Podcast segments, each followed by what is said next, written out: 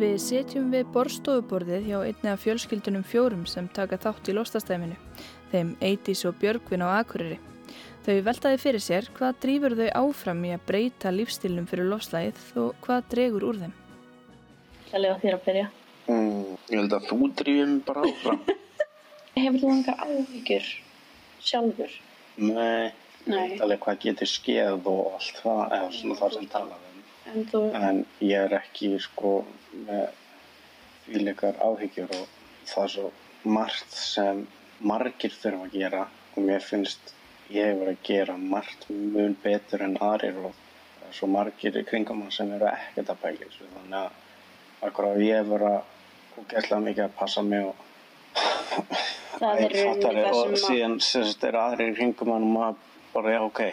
Og ég bara taka þetta á mig Ég er nefnilega alveg sammála með það. Stundum hugsa ég til hvers er ég að þessu. Það sem ég gerir breytir ekki neinu meðan allir hinnir. það er ekki fyrir en að allir rauninni eru farnar að gera eitthvað En sko, mér finnst að þú segir, það það vera gildir- meira sem dregur úr manni ég heldur en Já, í rauninni. hvetur mann En málið er að drauminir er nú hugsa ég, nú eigum við dóttur.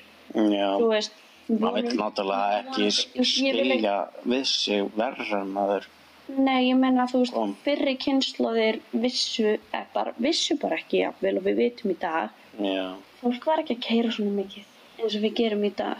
já líka bara fjöldin Já, svo náttúrulega er, er alltaf bara- fleiri og fleiri. Og eins og stór fyrirtæki sem að náttúrulega hugsa bara um peninga. Það sem að það versta er að það er einhvern veginn þannig að það snýst allt um peninga.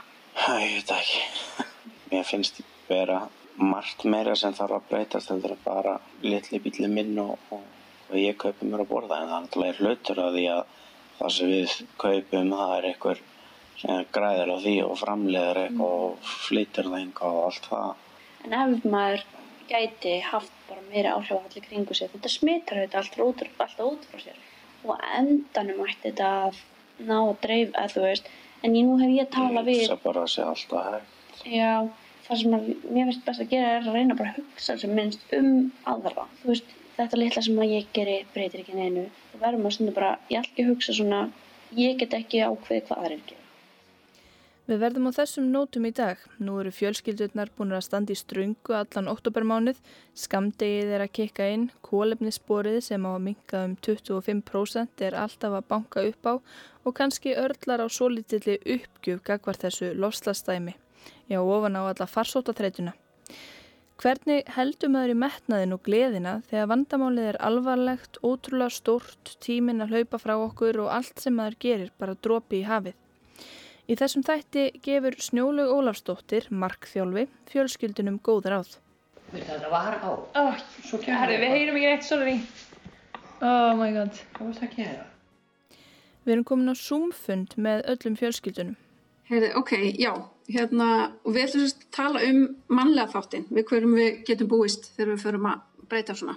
Og bara aðeins um mig, já, ég er umhverfisverkræðingur og sjálfbærni markþjálfi og hef verið er með stefnumótun og hef verið að kenna í háskólarum uh, sjálfbærni, bæði HI, HR og mér langaði bara að byrja því ég veit að, hérna, þið hafi kannski ekki öll hist innbyrðis að bara svona aðeins að heyra frá ykkur hvað er það sem að gerði það verkum með því sótuðum, hvað er svona spennandi við þetta og líka hverju kvíði fyrir, ef við förum bara ringin.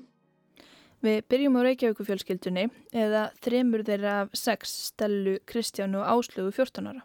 Uh, já, við sóttum um þetta bara því okkur þótt þetta svo spennandi að, að, að taka þátt og leggja okkar að mörgum þú veist, maður fyllist oft bara kvíða yfir umræðum um lofslagsmál og annað og þá fannst mér eða okkur ekki annað hægt en bara við verðum að leggja okkar að mörgum en já, kvíðvanlegt, ég veit það ekki mér finnst það ekki kvíðvanlegt verkefni mér finnst þetta bara ennþá óslega spennandi Það er samt einhver kvíði sem verður til þess að þið viljið leggja ykkur mörgum. Já, klárlega. Þannig að veist, verkefni sjálft er ekki kvíðvanlegt en ástæðan fyrir því að við förum í verkefni það er það sem veldur mig kvíða. En þú, Kristján, erstu sammála? Já, ég hef mjög hluti samanlega. Sýnst að því við höfum alveg hugsað rosalega mikið um loftlagsmál. Þannig að við lítum á þessum tækjafærir bara til að fá aðstóð til að ganga ennþá lengra. Þess að gera eitthvað svona sem okkur var ekki sjálfum búið þetta í huga að gera.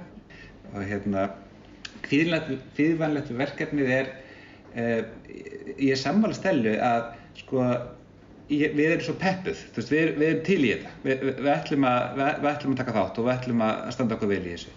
Uh, auðvitað er pínu fyrirlegt að, að vera í veist, þetta bara vonandi verður, verður, hérna, verður mjög margir sem hlusta á hana þátt og það er svolítið skrítið að vera, vera fyrir framann allt Ísland að tala um hvað við kaupum mikið í matinn og eitthvað, þú veist, hvað við borðum og eitthvað þetta er svolítið skrítið, en þetta er ekki beinleins kvíðvænlegt. Og þá langar maður að heyra í áslögu ef að hún vill eitthvað tala, að heyra í úlingnum og heimilinu, hvað henni finnst um þetta allt saman. Uh, já, um, mér finnst þetta ekki svona eitthvað svona hræðilegt eða neitt þannig, mér finnst það bara svona skemmtilegt svona þetta verkefni. Um, en mér finnst það um, svona hvað maður þarf að sleppa en ekki hvað maður þarf að hætta að gera, mér finnst það svolítið erfitt en samt bara alltaf. Næst er það yðun á kvanneri. Ef ég sé alveg eins og er, þá fannst mér mest spennandi að þetta væri uh, útvarsþáttur á rás 1. Það er svo mikill rás 1-ari sko. En svo fannst mér líka bara spennandi að brjóta upp ennan COVID-tíma. Því að, jú, maður er svo sem, ég hef verið að hugsa um þessi mál síðan ég var eitthvað, 13 ára eitthvað og hérna, uh, er svolítið að gefast upp líka. Og svo komst þetta allt í nýju tísku hjá öllum að tala um þetta og, og, og gera þetta og þá var ég svona, þá ég, fór ég allt í nýju svona mótróa. En ég, ég þurfti aðeins svona smá kvartningu til að fara að hugsa um þetta aftur af því að ég er búin að hugsa um þetta svo lengi og var svona svolítið að gefast upp. Uh, þannig að kvíðvænlegast ég er bara svo hrættum að gleyma að ég sé í þessu. þú veist maður er búin að ákveða já, búin að setja plan og eitthvað og svo er ég svo hrættum að vera svo bara fara svo bara í mitt líf eitthvað og vera að hugsa um barnið og vinnu og nóg að gera og bara gleyma að ég ætla að breyta eitthvað til Já, þú varst með þessu sín og svo finnst þú kannski vera eins að dala.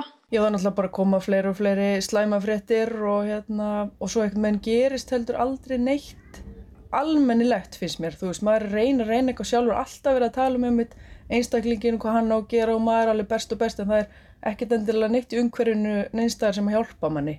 Og svo bara þegar ég eignaði spatt þá var ég bara að hugsa um barnið mitt, ég gati ekki líka haft áhugjur af heiminum. Þá bara, þá lokaði ég alveg á þetta sko. Og þá heyrum við í Hafnarfjörðafjölskyldunni, Elsu, Sveinbjörni og Byrtu. Ég tengd svolítið við þetta sem hún var að segja.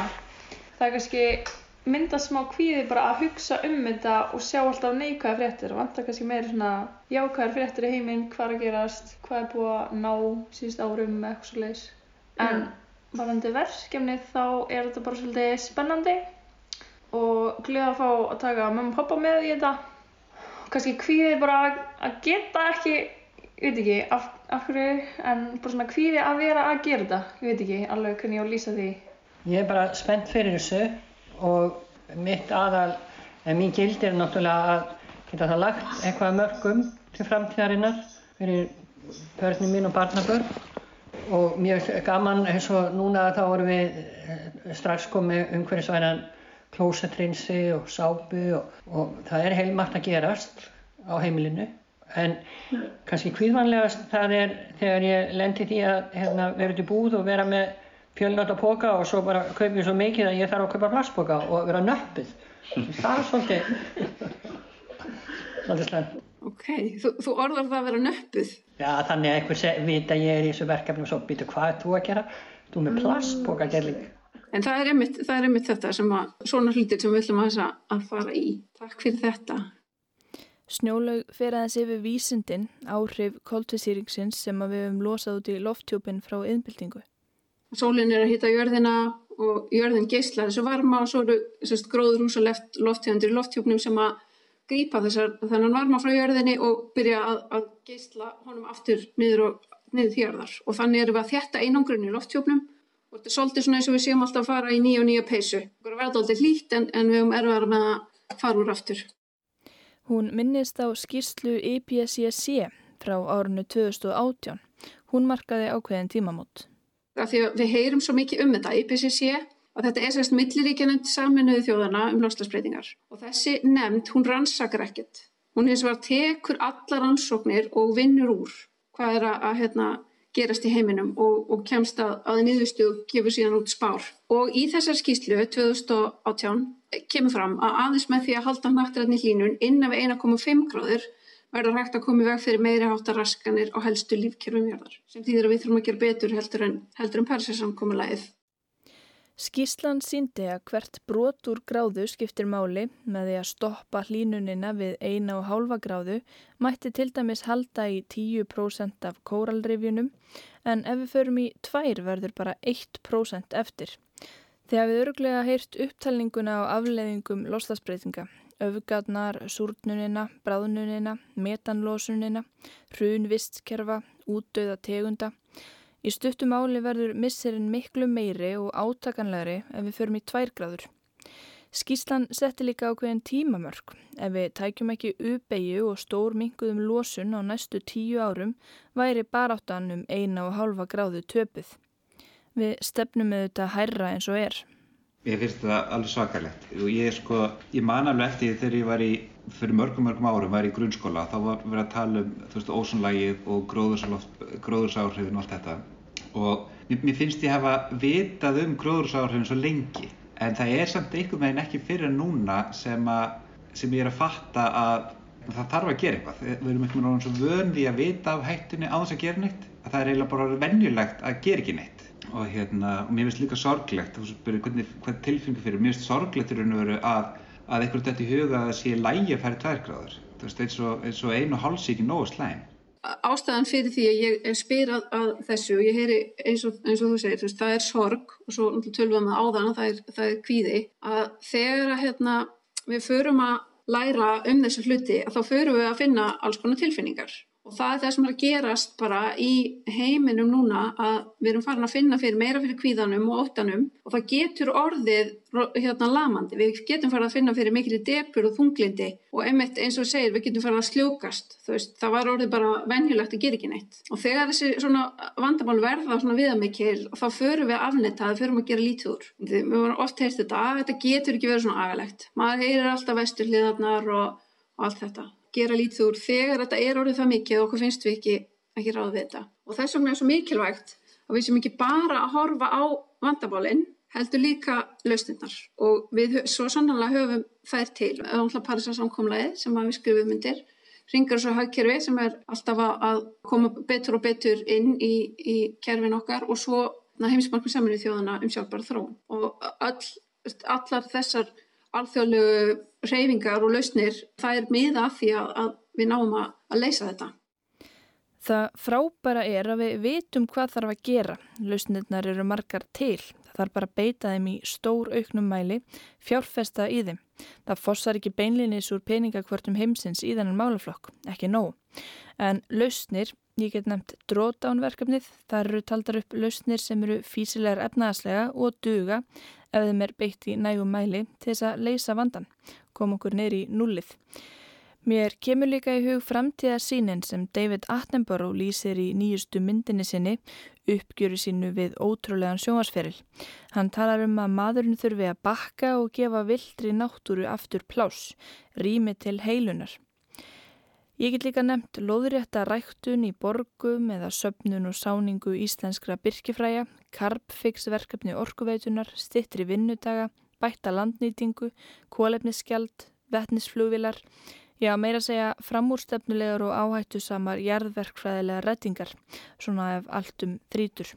Síðastlið ár höfum við séð hversu miklu er hægt að áorka þegar eitthvað er sett í forgang þegar það er hlustað á vísindamenn. Við höfum orðið vitnað að fordæma lausum hraða við þróum bóluefna gegn COVID-19 og um miðjan desember fekk Margaret Keenan fyrsta skamtina bóluefni Pfizer. I would say go for it. If I can do it, well, so can you. Já, það er allt hægt. Allavega, áfram með súmfundin með fjölskyldunum. Þáttakendur hafa margir nefnt kvíðan, það sé hann sem að drífi þau áfram. Snjólug varar við því. Þegar við erum að breyta eins og núna, þegar eru að breyta mjög miklu í ykkar bara vennjum, þá er gagslaust að knýja þessar breytingar á kvíðanum einum saman. Af því að sko, það bara, það gefur að því við förum að sljókast. Við náum því ekki til lengdar að halda okkur gangandi á kvíðanum einum saman. Til dæmis bara, er, ég var einu sinni flugfrætt, svo fyrir ég 12 tíma flug og þá leknaðist ég flugfræslu. Af því ég gæti bara ekki verið hrætt í 12 tíma. Þess vegna langar mig að spurja ykkur aftur, að því við vorum að tala um kvíðan á þann, er eitthvað annað sem að þið geti notað og hugsað um sem ykkar drivkraft til að gera vel? Veist, að sjá breytingu, það er náttúrulega bara drivkraftur, að ég sé partur af breytingunni. Það er feedback, það er að koma eitthvað á mót, þess að þú ert að vita að sé eitthvað gerast jákvæmt. Já, bara trúa því að maður hafi áhrif. Mér svo oft fólk segja sko, það skiptir engum máli hvað ég gerir. Að það fara að síast inn, að það skiptir máli. Ef ég myndi gera eitthvað og ég myndi sjá að vinkunum mínar eða einhverjir sem eru náða mér myndi gera það líka, myndi sjá hugmyndir frá mér og fylgja því eftir. Og svo kannski setna meir þegar einhver mun spyrja okkur, eða þegar börnir og barnabörnir spyrja hvað gerðið þú? Og þá getum við þá sagt að við gerðum þetta. Samanlega því. Ég held líka eins og minn drivkraftur er kannski bara líka þryggja ára dóttir mín. Þannig að hún verður hérna þegar þetta verður komið upp í, ég veit ekki, í hvað heitast þig sko.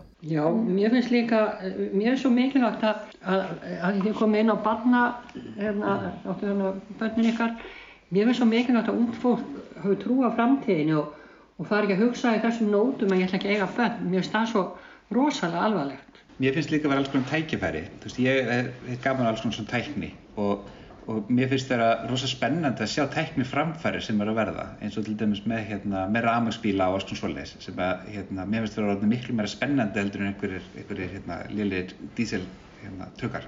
Þannig að það er alls konar, þú veist, mér, finnst það líka skemmtilegt að horfa á, á tækjafinn sem myndast því að, þú veist, svona breytingar það munur búa eitthvað nýtt til og hérna, ég er spenntur fyrir að sjá hvað verður eiginlega búið til. Og svo er það mennskan. Það fylgir því ímislegt að vera manneskja, til dæmis hvað verum miklar hópsálir. Við byrjum okkur saman við annað fólk, vinu og vandamenn, vinnufélaga, nágranna, fólk í kringlunni, áhrifavalda á Instagram. Spáum í það hvað þessir allir eru að gera hverju sinni. Þetta er bara eitthvað sem við gerum bara algjörlega ómeðvitað og til dæmis er það þess vegna sem að yfirleitt í kannski súkulæðulýsingum og svona, þá sjáum við fólk býta í súkulæðið af því þá, þegar við sjáum eitthvað gerast aftur og aftur, þá náum við ákveðni tengingu og við berum okkur saman við það sem aðeins er að gera. Og það er hérna tveir samanbyrðar sem geta kannski aðeins valdið okkur vanda og það er hérna þessi samanbyrðir hérna, sko, við erum ægilega hress og, og ætlum að gera góða hluti og allt þetta, en svo er bara Jói við hliðina hann er kannski bara á stórum breyttum jafpa og nagldekkjum og nennir ekki eins og flokkat áblöðin sín hvað það vera. Af hverju ætti ég að gera þetta? Þá er þessi góða íslenska setning. Ég ger ekki neitt fyrir neitt sem ger ekki neitt fyrir neitt. Og það er þannig þegar við erum að hugsa um umhverfismálinn og þá við erum að leggja okkur fram en þetta það er samt heildin sem græðir. Heildin mun fá, fá þennan ábata. Þannig að þegar við sjáum að við sem að gera eitthvað sem aðrir ekki gera þá getur komið upp svona svolítið svolítið gremja og, og við upplifum það að engin annar sé að, sé að gera neitt. En svo er það hins samanbörðurinn og við fyrir að bera okkur saman við fólki sem er svo 100%. Við erum með veganesti í, í krukkum undan súrkálunni sínu, eitthvað svona, kaup ekki eins og fjölnótut alla, það er bara að nota einhverju krukkur og eru með minimalist og, og allt þetta. Og þú veist, ég bara hef ekki tíma eða pening eða orku eða veist, mitt líf er bara en þetta og ég get ekki sett mig inn í þetta. Og þá finnst okkur við kannski ekki geta tekið þátt af því að við náum ekki að vera alveg svona 100, 100%. Og þess vegna segja ég sko, eins og fyrir ykkur að velja ykkur fyrirmyndir. Passa vera ekki að, að hérna, reyna að bera ykkur saman með fólk sem annarkort emitt ekki gera neitt eða hérna, gera eitthvað allt annað eða eru bara allt og langt í burtu heldur bara út frá ykkur áhuga. Hvað finnst ykkur skemmtilegt og spennandi? Hverjir eru að gera eitthvað gott í þessu og leita af þeim því það eru margir sem að er að gera góða hluti en það er ekkit allir sem að eru sko sénir í að taka selfie og setja á Insta og ná sér í fylgjendur og allt þetta. Þannig að við þurfum kannski aðeins að leita betur á þessu fólki og líka hugsa bara ok, hverjir eru í minni búblu? Ég veit að ég ber mig saman við fjöldan hvað er fjöldin fyrir mér þegar ég fer á mína samfélagsmeila. Því við getum breytt þessum fjölda sem við byrjum okkur saman við með því að, að sko, henda út svona einhverjum hashtag samstarf áhrifavöldum og velja fólki sem við erum að, við erum að fylgjast með. Þetta er svo satt þess að með fyrirmyndinar á Instagram sko að því að ég, mér finnst Instagram svo fínt að þetta sér stillaða. Maður þarf ekki að sjá það sem maður vill ekki sjá. Og það með þetta unfollowa fólk á þess að taka eftir því. og svona, eitthvað svona fyrir töðanar á manni sko, eitthvað. En, en svo líka, mér finnst þetta svo erfitt af því að ég sé oft svona fólk sem fyrir töðanar á mér. Eða þú veist, eitthvað sem mér finnst svona að uff, þú veist, þetta er ekki hægt. Ég nenni ekkert að vera eitthvað, að fá þetta í andlitið ég er að reyna út besta eitthvað ekkert svo ofta gerist, en svo held ég að ég sé stundu svo manneskja fyrir aðra Sko fólk heldur bara ég dæmi og dæmi og dæmi. Þá fór ég eitthvað svona að reyna að vinna í að, vera bara eitthvað, já, flott hjá þér, já, gerðu það bara því að ég var alltaf komið mikið stippil að vera ælu, ælu dómari, sko, sem ég varst mjög leðilegt, sko, því að mér fannst líka bara fordómar gagvart mér, sko. Auðvitað vill maður smita út frá sér en maður vill ekki vera eitthvað dómarinn í hópnum. Og þannig sjáum við líka kannski einmitt að því við erum nú- núna að tala um mennskuna sko sem að þið geti búist við hjá ykkur en, en auðvitað kemur upp mennskan hjá öðrum sko að þegar að þau upplifa, aðrir upplifa kannski að þið séu að gera meirinn þau og allt það. Hverjar eru þeirra fyrirmyndir? Birta nefnir eldri sýstu sína. En hún er, mitt, er alltaf með eitthvað rosakóða lausnir og veit hitt og þetta þannig að mjög gott að, að leitast til hennar. Ég ætla bara að taka undir þetta með Byrtu með hérna dótturina, þær standa sig ótrúlega vel, báðar kannski. og, og svona minn líka fyrir norðan. Þannig að, það- að kynnslóðan er að bæta sig. Nei, ég veit það ekki. Ég, ég var ekki búin að hugsa svo mikið um þetta, hvort að við höfum einhverja fyrirmyndir í þessu. Þetta er bara mjög umhugsunar. Ég, ég held ég sé ekki með eitthvað fyrirmynd um sko hvernig ég er að breyta til í daglega en þú veist það er alls konar fólk sem að hefur að vekja aðtil á málstannum sem að ég líti upp til og þú veist eins og ég nefndi á með hennar Greta Thunberg sem að mér finnst hafa verið alveg frábær og ég myndi alveg segja að hún væri ákveðin fyrirmynd fyrir mig og mér finnst gaman að þessi svona úlingstelpa sem er fyrirmyndi mín mér finnst það frábært.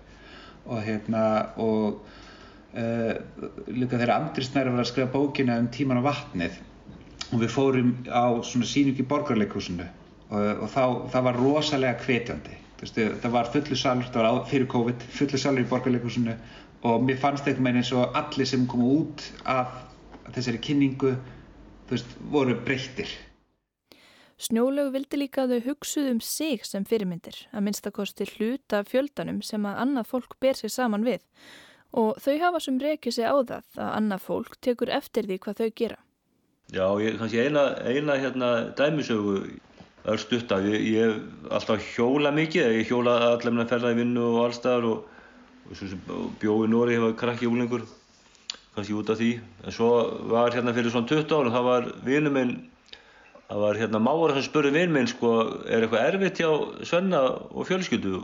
Og, og vinnu minn segir, nei, hvað, af hverju spurðu? Hann er alltaf hjóli greið. Skiljið, fyrir 20 ára þótti það bara ægilega hallarslegt sko. En veist, í dag náttúrulega er maður ekki með mönnun ef maður verður hjóli sko. Og ef maður verður út að hlaupa og hljópa fram að krakkaskara þá var alltaf að kalla 1, 2, 1, 2. Skiljið, þetta er bara ótrúlega breytingur á ekki lengri tíma. Þið eru líka kannski hægt að hugsa þegar einhver tekur strætó, þú veist, eða þegar maður sjálfur tekur strætó, bara buða allir þess að haldi að ég hef mist prófið. Við- Við upplifum okkur sem fyrirmyndi barnan okkar en oft upplifum okkur ekki endilega fyrirmynd annars fólks í kringum okkur. En þarna kemur aftur inn þetta sem við varum að tala um með súkulæðistykki sko. Að það sjá, fólk sér hvað við gerum og þó það sé ekki endilega fylgjast með þá tekur það samt eftir. Og það er náttúrulega gott dæmi með, með hjólið. Að þegar að fólk sér að við erum að gera eitthvað þá, veist, þá erum við hluta þessum fjölda sem þetta fólk miður sér við. Við upplifum okkur oft valdalus. Snjólaug fullvisar okkur um að það gildi ekki bara um mig og þig, ekki bara örfáu hræðurnar á Íslandi, heldur líka miljónirnar í Kína. Þessi tilfinning sprettur einfallega fram þegar maður hugsaður um sig sem eina mannesku af hátti í átta miljörðum, en þá má kannski minna á orð mannfræðingsins Margaret Mead, efastu aldrei um að hópur hugsunafólks geti breytt heiminum, því engum öðrum hefur nokkuð tíma tekist það. Rannsóknir hafa líka sínt að það sem fær okkur helst til að breyta lífstílnum er ekki sparnaðarvon, ekki framtíð næstu kynnslóðar, heldur það sem nágrannarnir gera. Hjóla þeir allt, já þurfum við þá ekki að gera það líka, kaupa spandeskala. Fjölskyldurnar hafa verið að velta fórnum svolítið fyrir sér. Hvað fælst í hugtækinu fórn? Hverju þau séu tilbúin að fórna og hverju ekki? Við rættum það á fundinum með snjólögu og fjölskyldurnar sendum mér líka upptökur með hugleðingum sínum. Ég verði viðkynna það að ég er ekki tilbúin að hætta að ferðast þó ég sé ekki komin að rafaspil. Hérna, ég er ekki til í að stoppa það því við erum, erum hérna fyrir mikið norður. En við hugan við það að kannski Já, að já, minka já. og lengja þá ferðina. Já, já. En ég er meðvituð, sko.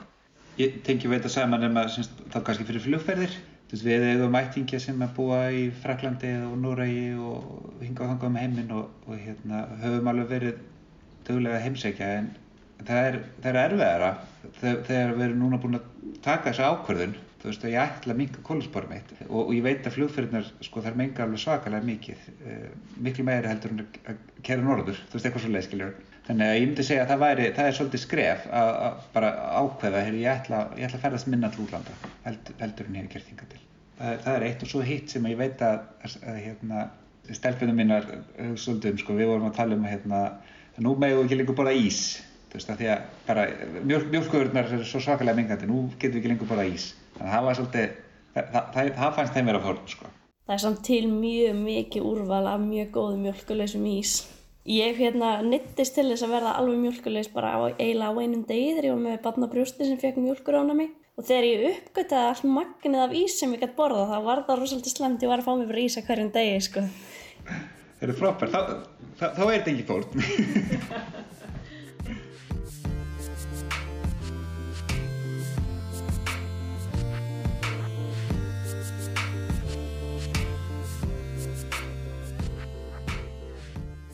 Ég, mér finnst til dæmis engin fór að hætta að fljúa. Ég á fullt af vinum, ég var skiptinum í Fraklandi þar á ég svona eiginlega fjölskyldu. Ég á vini úr háskóla, en maður þarf kannski ekki alltaf að vera að fljúa, maður getur kannski hýst á, á Skype eða eitthvað svo leiðis og auðvitað vil maður heimsækja á aukutíman. Ég veit um einn mann í Brellandi sem að bara hugsaði, þetta er bara allt og mingandi að fljúa, ég er hættur því, ég á frænda í Ástralíu og það verður bara að vera þannig ég hitt hann aldrei aftur. Fórn fyrir mig er að breyta mataræðinu. En það er svo marg slungið í mínum huga að taka eitthvað sem að bæði sko kannski tengi spiðin í landinu og eitthvað sem maður er alveg upp við. En ég er ennþá í þessu sko kaupa innlend, beint frá bíli þetta sem maður var í tísku og hefur svolítið goldið þess að vera uh, ólofslagsvænt. En svo er ég líka bara rúslega erfitt með að að sætta mig við að það sé lausnin að ég megi ekki kaupa mjölk af vinum mínum sem eru bændur eða kjöt frá vinum mínum. En það eru skiptaskoðanir þessu eins og öðru. Það fyrsta sem ég hugsaði þegar mér var búið að taka þátt í þessu verkefni og ég sagði já var að, já já, þá þarf ég að fórna kettinum. Ég veit ekki eins og jú, að þau búið eitthvað fóður sem það þarf að kaupa sem að vantilega losar eitthvað því það er allt kjöt.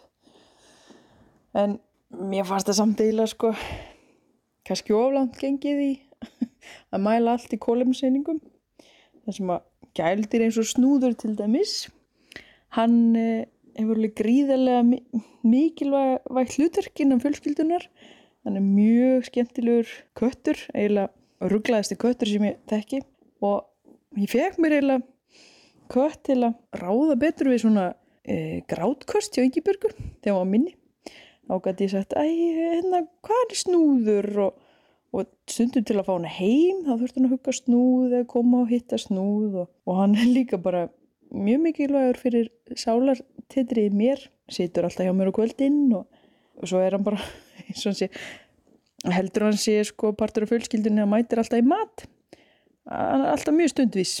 Þannig að þó að snúður sé eitthvað eitthvað kolumnisbór þá er mér bara alveg sama. Hann er líka bara svo sætur.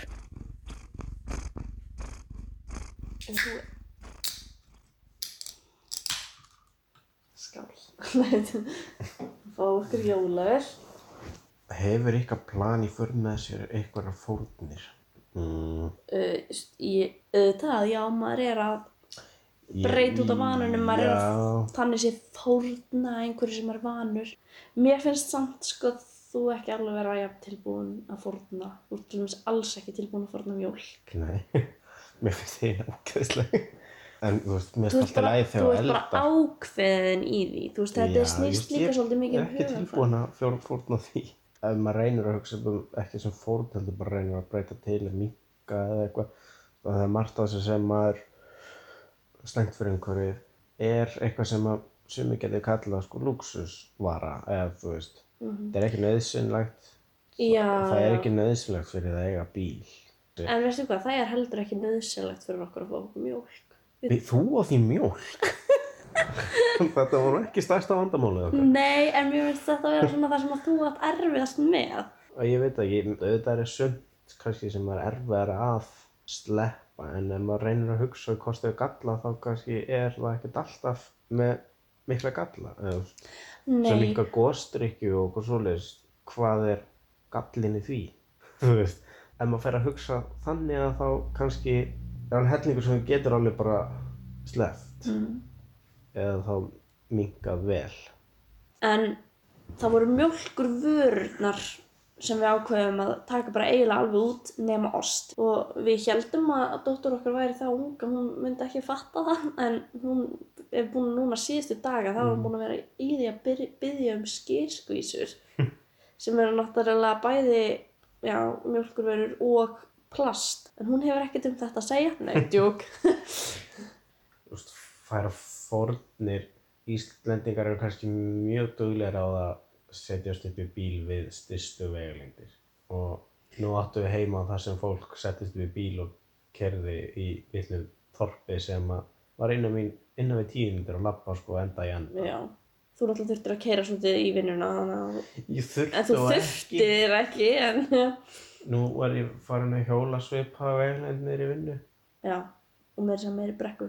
Já, en það var kannski líka vandamála, þetta var mjór vegur og það var alveg smá umferðan, þú veist, hefði verið göngust eða smá stígur sem að hefði Já, getað- ég held kannski líka að þetta hafi bara svolítið verið menningin þarna Já, og líka bara það eru nokkur ár síðan. Þú veist, Við höfum breyst, hugafæra okkar hefur breyst. já, já, og Mér finnst samt sko í rauninni það eina sem mér finnst svona erfið tilhugsun við eins og þess að nú erum við að tala um samgöngunar.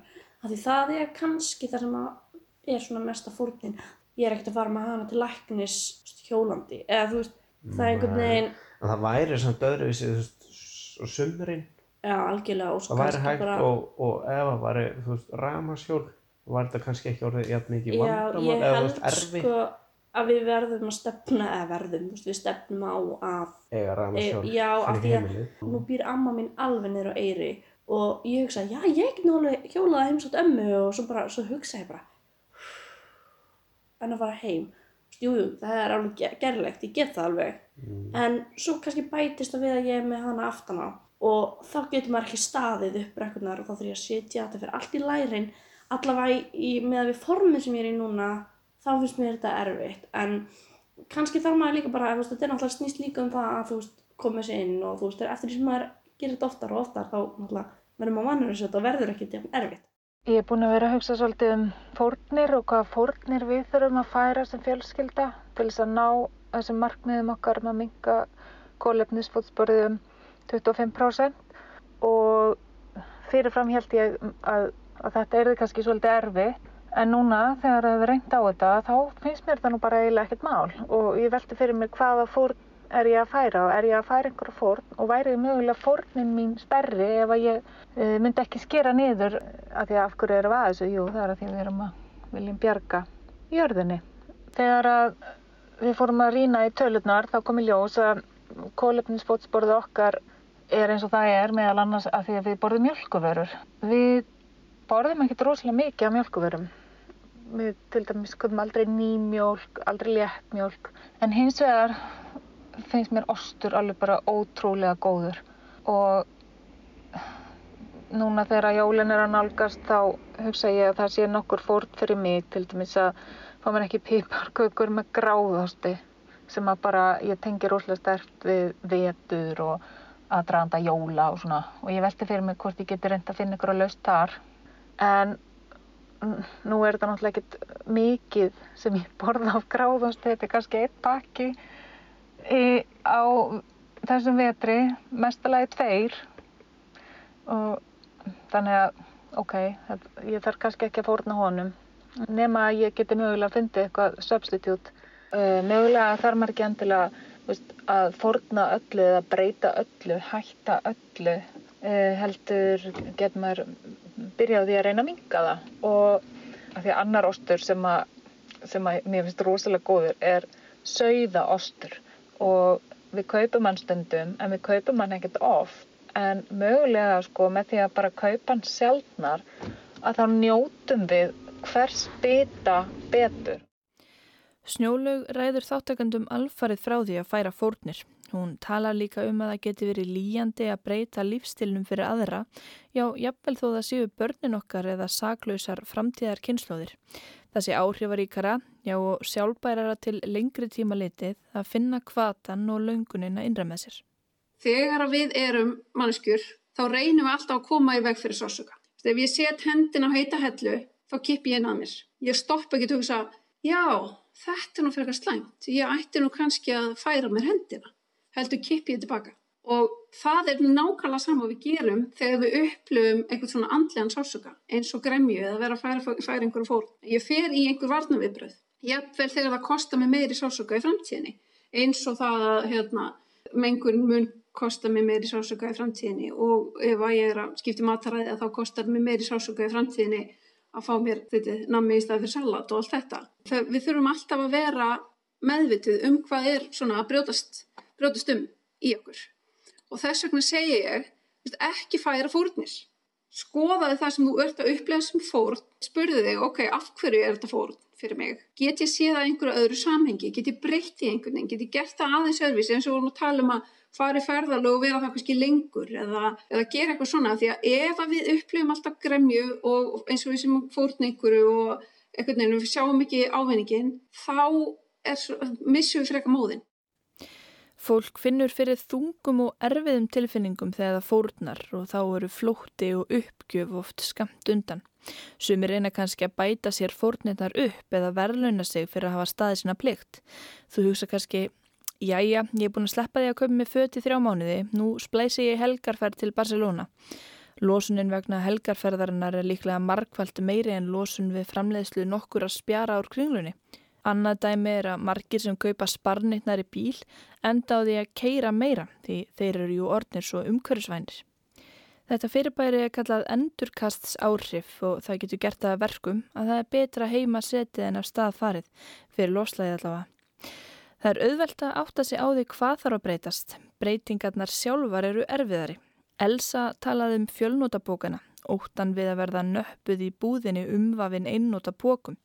Við erum vanadýr, treg til breytinga. Það kostar orgu að reyna að koma sér upp nýjum vennjum.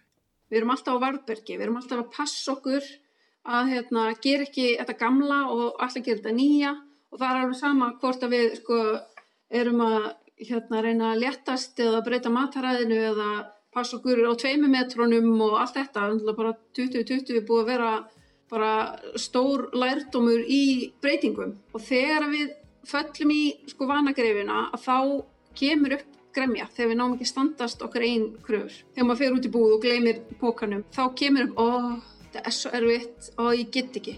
Þetta er ekki fyrir mig. Þetta er fyrir einhver aðra sem eru skipulaðri eða betri í þessu og hinnu og allt þetta. Það kemur upp svona, svona gremja sem að gerir það verkum að það verður ennþá erfiðar að stíga þetta skref. Og þá vitna ég aðeins í, í Jónas bara til að fæsta þetta betur í minni Þetta er úr læginu Hafið svart og hann segir veruleikin meiri reyndist vandi og vaninn setti lífsögluna mér. Oft mér byrtist mynd